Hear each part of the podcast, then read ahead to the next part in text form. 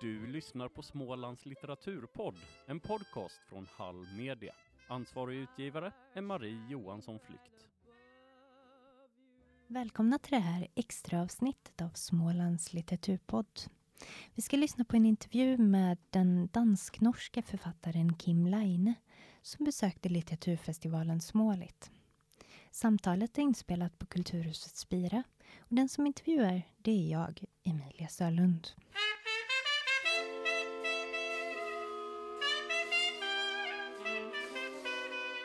En slags eh, monolog eh, som var eh, Peter det Hemme Gudmes eh, indre monolog. jeg, jeg visste ingenting om å lage film. Jeg er ikke interessert i film. Som dere sikkert vet, er alle film dårlige med en statistisk usikkerhet på 0,1 Så, eh, Og jeg visste ingenting om eh, det finske innbørdeskriget. Danskene vet ingenting om det, og jeg var en av de som ikke visste noe om det. Kom jo til å tenke på vinterkrig og 1938 og annen verdenskrig osv. At det at det hadde vært en stor borgerkrig i Norden, stor blodig borgerkrig i Norden i det 20. århundret, syns jeg var helt fantastisk og utrolig og sjokkerende.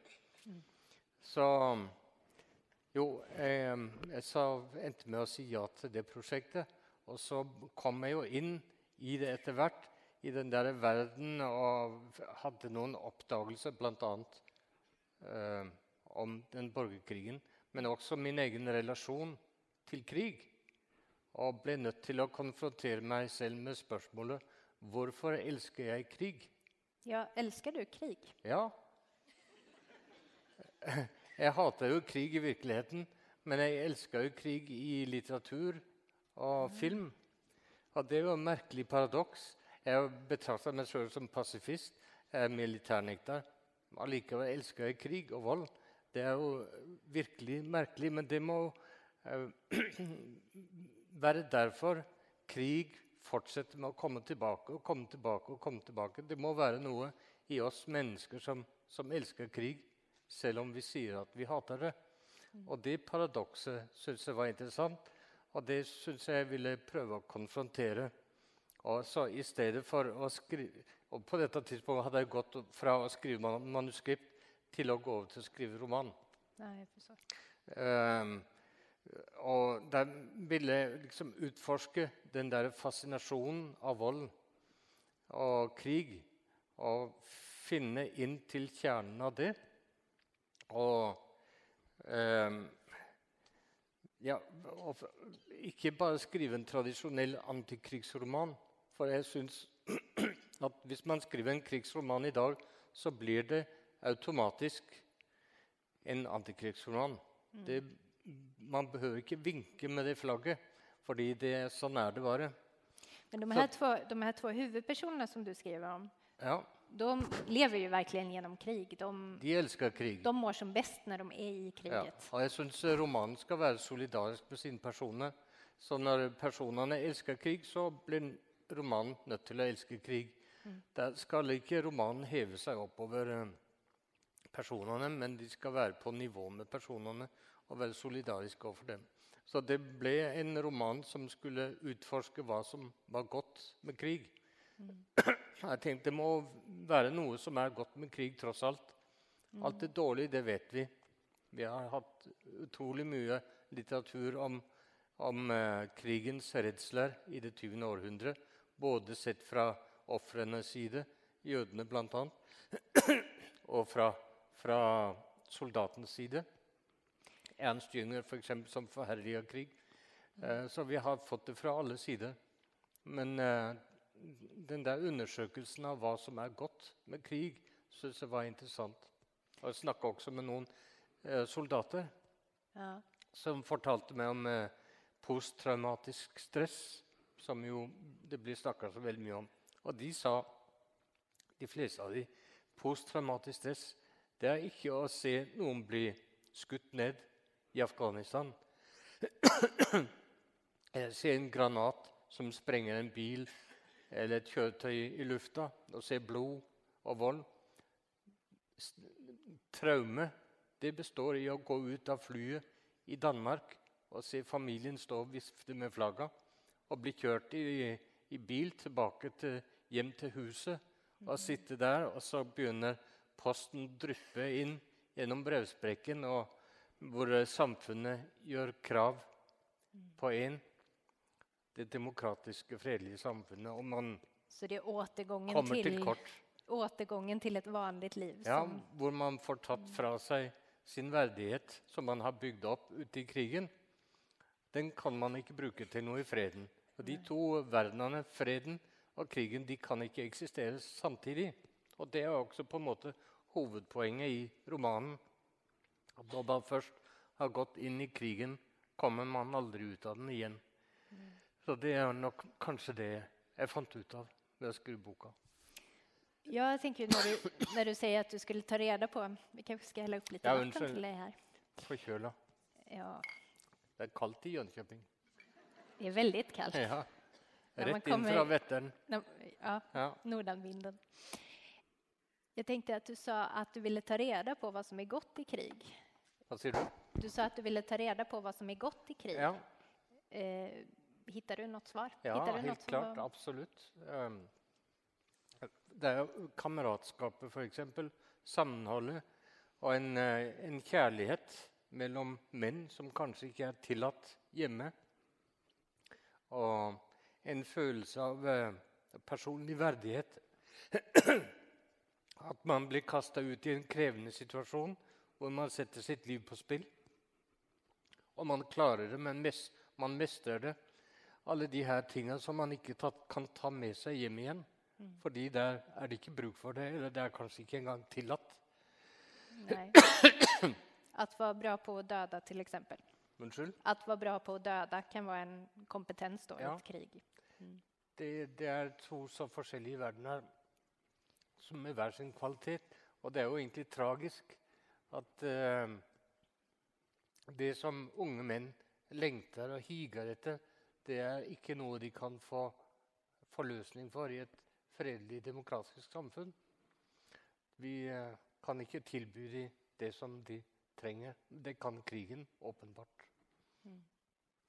Hur har du gjort research för de här böckerna? Vad säger du? Hur har du hittat din research? Vilka källor Ja, använder ja. du i dina böcker? Nå, jeg gjør ikke så veldig mye research. Jeg, jeg pleier å si at jeg skriver boka først, og så gjør jeg research etterpå. For å gjøre meg klar til intervju og sånn. Så du vet vad du ska svara på mina frågor. Men eh, det viktige for meg er jo idégrunnlaget. Konfrontasjonen med krigen. Ja. Og det hadde jeg jo inni hodet fra før. Men du har aldri vært i krig. Aldri vært i krig. Og jeg hadde aldri vært, du? Hadde aldri vært i Finland før jeg begynte å skrive om det her. Og, så det var mange ting jeg ikke hadde opplevd, men jeg, jeg kjente fascinasjonen av krig. Og det var det som var det viktige. Så, men så leste jeg litt uh, grunnresearch for å få en tidslinje om den finske borgerkrigen. Og også okkupasjonen. Det har jeg lest så mye av, om før. Og så skrev jeg det fort. Fordi når man skriver fiksjon som er basert på research, så har man to størrelser sittende på skuldrene. Her har man magikeren som skal fortelle sin historie. Unnskyld. Og utføre sin magi. Og her har man magisteren som eh, kommer med årstall og fakta. Ja. Og hver gang magikeren begynner å spinne sin historie, så blir han avbrutt av magisteren. Og så mister han selvtilliten fordi han er litt nevrotisk og usikker på seg sjøl. Og så, så stopper det, det narrative flowet. Det går i stå. Og så er det ødelagt. Det er en veldig skrøpelig prosess å fortelle en historie og skrive en roman. Så derfor er, skal det så lite research til som mulig i begynnelsen. Så må researchen komme etterpå. Når man har skrevet romanen, så må man jo skrive det gjennom en gang til for å få retta det til å få researchen inn. Sen tänker jeg, om man skriver just om andre världskriget, då er det vel veldig mange som har Ja. Eh, er, åsikter om fakta. der er mange magister som sitter Ja. og som elsker å gjøre seg sjøl til eh, sånn middelaldrende og eldre menn som elsker å være eksperter i annen verdenskrig. Og sitter på sprang for å få raseriutbrudd over små feil de finner i teksten. Men det er ikke de jeg skriver for likevel, så det kan være det samme. Men jeg var, etter jeg hadde skrevet boka, så var jeg jo i Finland flere ganger og satt i Tammerfors, eller Tampere, og skrev eh, slutten av boka. Og ble også kjørt rundt eh, til eh, disse leirene i Finland av eh, Apo Roselius, som er en finsk eh, historiker, og som også fortalte meg en del om, om det. Jeg leste hans bok om eh, innbørdeskrigen. Ja. Så, men det meste av researchen kom etter å skrive boka gjennom første gang. Når man leser Kim Laines bøker, det gjelder alle hans bøker, even de som utspiller seg i nutid, så er det utrolig mange detaljer. Det er mye lukter og det er følelser, og ganske mye ekle detaljer også. Hvordan man, hur det känns å trykke ut et øye, f.eks. Hvor finner hittar du på sånne detaljer? Jeg syns jo ikke de er ekle. Det har bare med kroppen å Ja, gjøre. lite litt Og jeg jeg er jo gammel sykepleier. Ja. Og um, som sykepleier lærer man seg å bli fortrolig med kroppen. Ja. Og uh, fortrolig med blod og avføring og piss og alt det som kommer ut av kroppen, uten å, uten å vike bort fra det. Man er vant til å ha det mellom fingrene og oppnå en fortrolighet med det. Og det er nok bare det jeg bruker litterært. Da flytter jeg det over i min litterære praksis. Eh, Denne fortroligheten med, med kroppsvæsker som jeg egentlig eh, liker veldig godt. Jeg føler ikke det er noe ekkelt med kroppen. Sant. Eh, har du nytte av å være sykepleier også i andre sammenheng når du skriver bøker? Ja, altså det var nok uh, hovedlærdommen uh, i mitt forfatterskap, i hvert fall i begynnelsen, hvor jeg begynte å skrive selvbiografisk. Og jeg hadde veldig vanskelig for å finne den riktige, det riktige følelsesnivået i det jeg skrev, fordi det var i begynnelsen fullt av selvmedlidenhet, vrede, hevngjerrighet, skam, alt mulig. Men eh, på et tidspunkt så tenkte jeg nå skal jeg behandle min egen historie som om jeg var min egen sykepleier. Og jeg ser meg sjøl komme rullende inn på en båre. Sånn en, en katastrofe fra, fra motorveien. Og behandle det og betrakte det med det jeg kaller det kalde øyet. Det bruker Det man jo Det kliniske øyet, tror jeg man sier på det, sier du? Det kliniske øyet, kanskje? Eller Ja, det den kliniske blikken? jeg, pleier å kalle det kalde øyet. Du kan kalle det kliniske øyet. Mm. Men det er ikke er noe som sykepleier kjenner. Man må forholde seg objektivt til det som skjer, og ikke involvere seg følelsesmessig i det. fordi hvis man gjør det, så mister man overblikket. Det Mm. Så när er- du skrev din selvbiografi, da forsøkte försökte du forholde deg objektivt til din ja, egen jeg forholdt meg kaldt til eh, meg sjøl og min egen historie. Og det var en eh, stor lettelse å gjøre det. Å bare skrive det nøkternt og følelseskaldt. eh, og finne inn til det nøkterne uttrykket.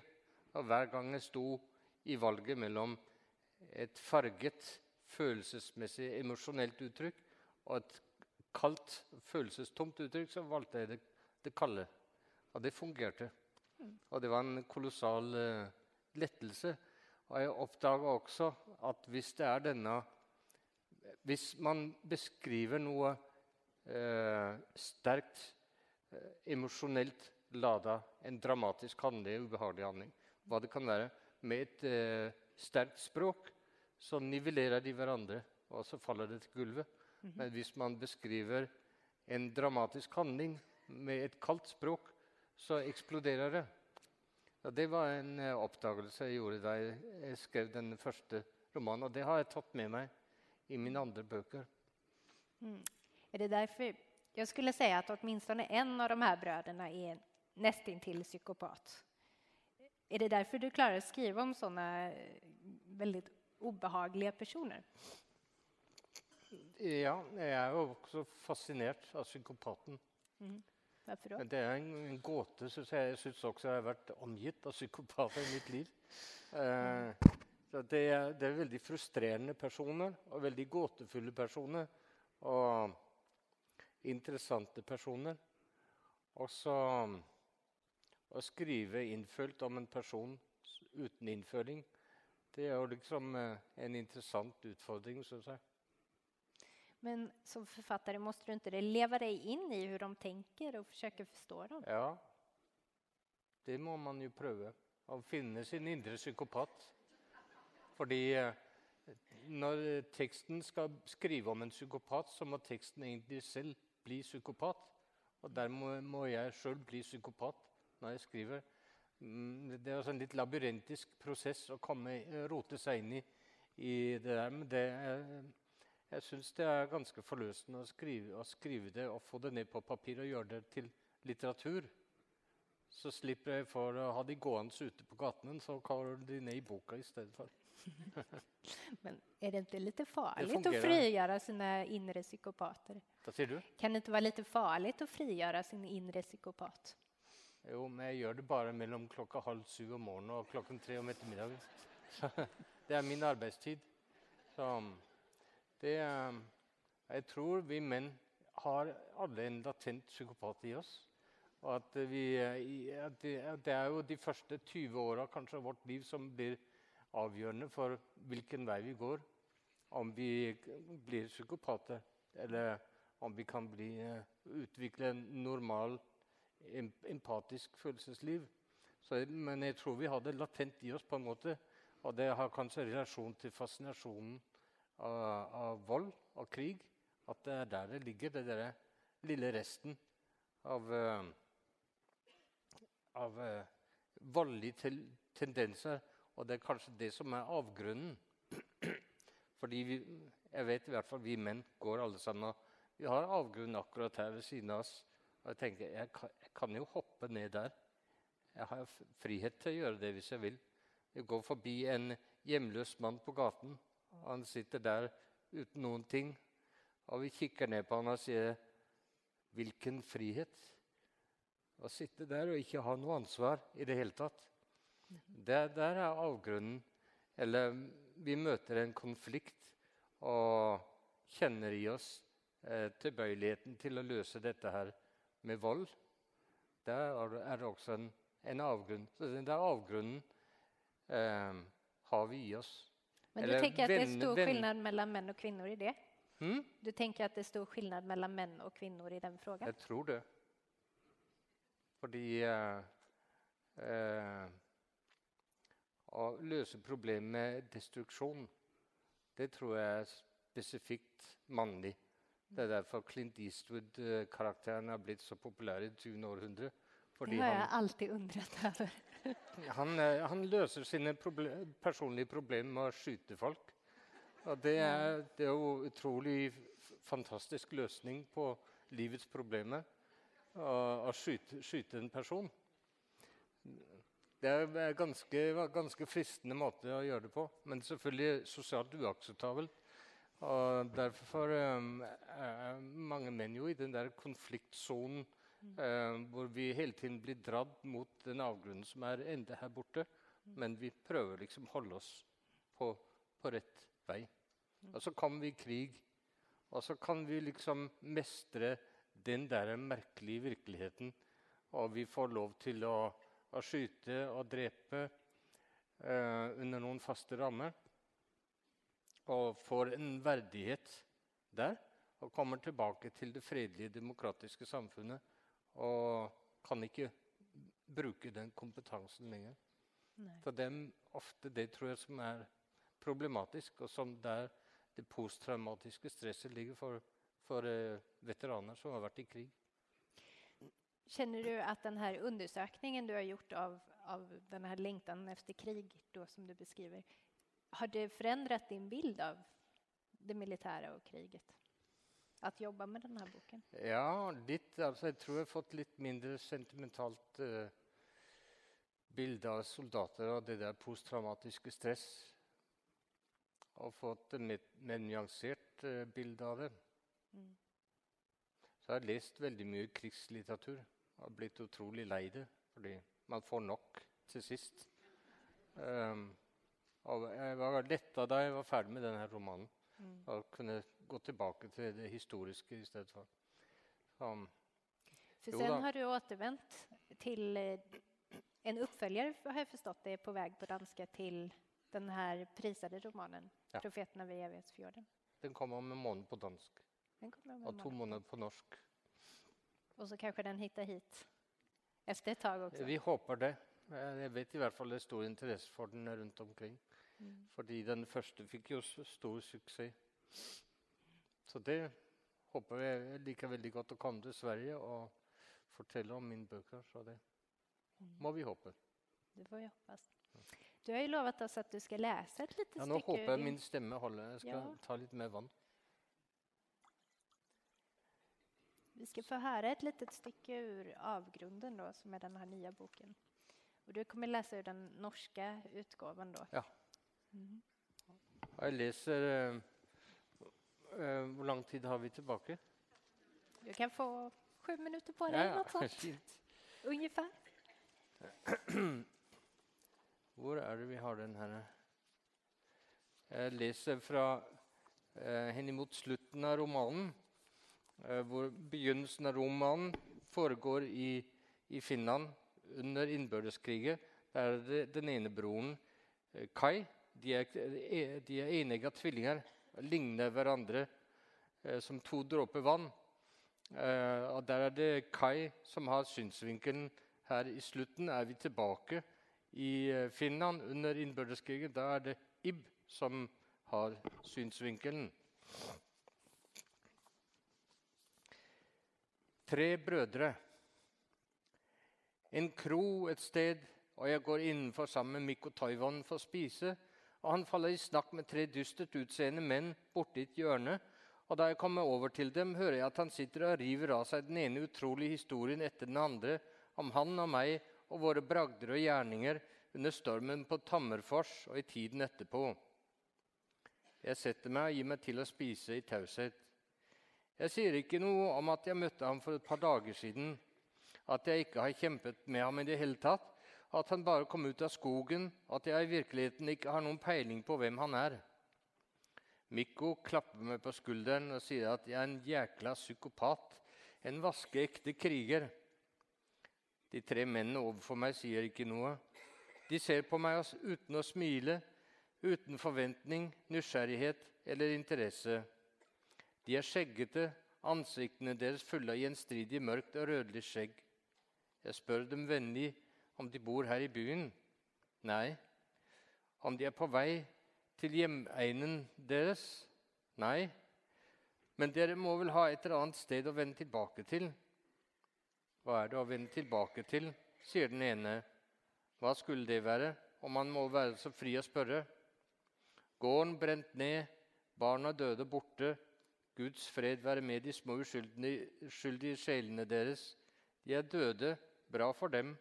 De kommer alltid til å være der. Herrens små lam. Men de er vekk for alltid, for jeg er levende, og kona er Satans hore. Faen ta henne og pul henne i den fule rumpa hennes. Voi vittu satanen berkele. Om det fantes noe å vende tilbake til, sier nummer to. Hvorfor skulle man gjøre det? For jeg er jo også blitt borte, ikke sant? Jeg kommer aldri til å bli den jeg var før krigen, og det skulle jeg da riktignok også meg, betakke meg godt og grundig for, Satan og Perkele. Så det kan da være akkurat det samme. Hva er mennesket, sier nummer tre, annet enn en klovn som sleper et lik til graven? De spytter, og spyttklusene flyr i flate buer og lander som små hinkestein på det støvete gulvet.